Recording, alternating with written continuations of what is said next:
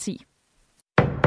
Nu er der nyheder på Radio 4. Elever slår, sparker og spytter på børn og ansatte. Det er, hvad ansatte og elever ugenligt oplever på Mors Skole i Aalborg Kommune ifølge et bekymringsbrev, skriver TV2.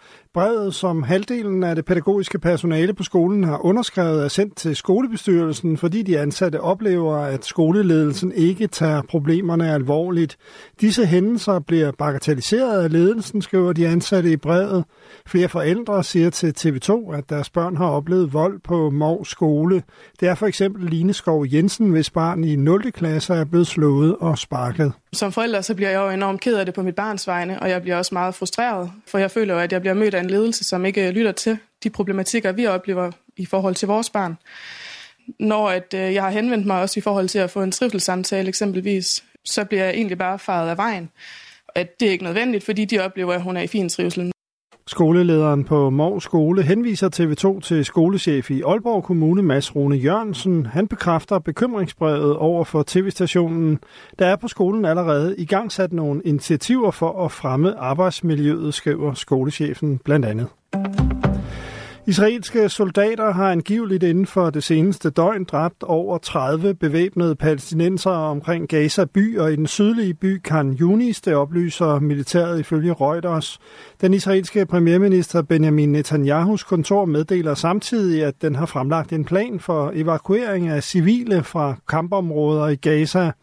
Udspillet kommer efter, at Netanyahu har gjort det klart, at israelerne finder en militær operation ind i den sydlige by Rafah i Gazastriben nødvendig. Der er omkring 1,4 millioner palæstinensere i byen. Meta, der står bag Facebook, nedsætter en enhed til at håndtere misinformation og misbrug af indholdsskabende kunstig intelligens. Det sker forud for det kommende valg til Europaparlamentet på baggrund af bekymringer om, at misvisende AI-genereret indhold kan påvirke valget. Indholdsskabende kunstig intelligens har været et område for stor vækst, og teknologien er både i stand til at skabe tekst, billeder og videoer. Det har skubbet til frygten for, at den vil blive brugt til at påvirke valg rundt omkring i verden. Valget til Europaparlamentet finder sted fra den 6. til den 9. juni. I Danmark afholdes det søndag den 9. juni. Det var ikke noget avanceret angreb, som lagde flere hjemmesider ned i går. Det siger Jens Myhr Pedersen, professor i cybersikkerhed ved Aalborg Universitet. Jeg kan mig ved, at det er et overbelastningsangreb, som vi har set. Man kan sige, at det er, det er måske nok mere avanceret end dem, der har været tidligere, men det er stadigvæk kun et overbelastningsangreb. Det vil sige, at man tager en hjemmeside ned øh, midlertidigt, og når angrebet ophører, så kommer hjemmesiden op og kører igen, så der er jo ikke sådan en permanent skade på noget, og derfor synes jeg heller ikke, det, det er jo ikke sådan et rigtigt hackerangreb. Det er mere, det er mere irriterende.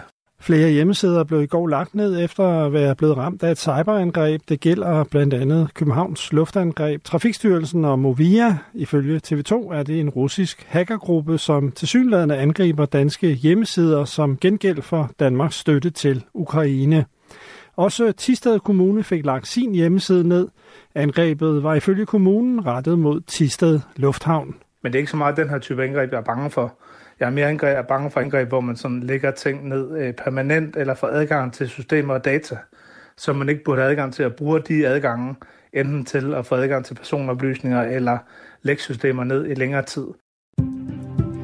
I løbet af dagen lidt sol, 4-7 grader og svag til jævn vind omkring nord. I aften og i nat mest klart, dog med lokal tåge. Temperatur ned mellem 2 graders frost og 3 graders varme.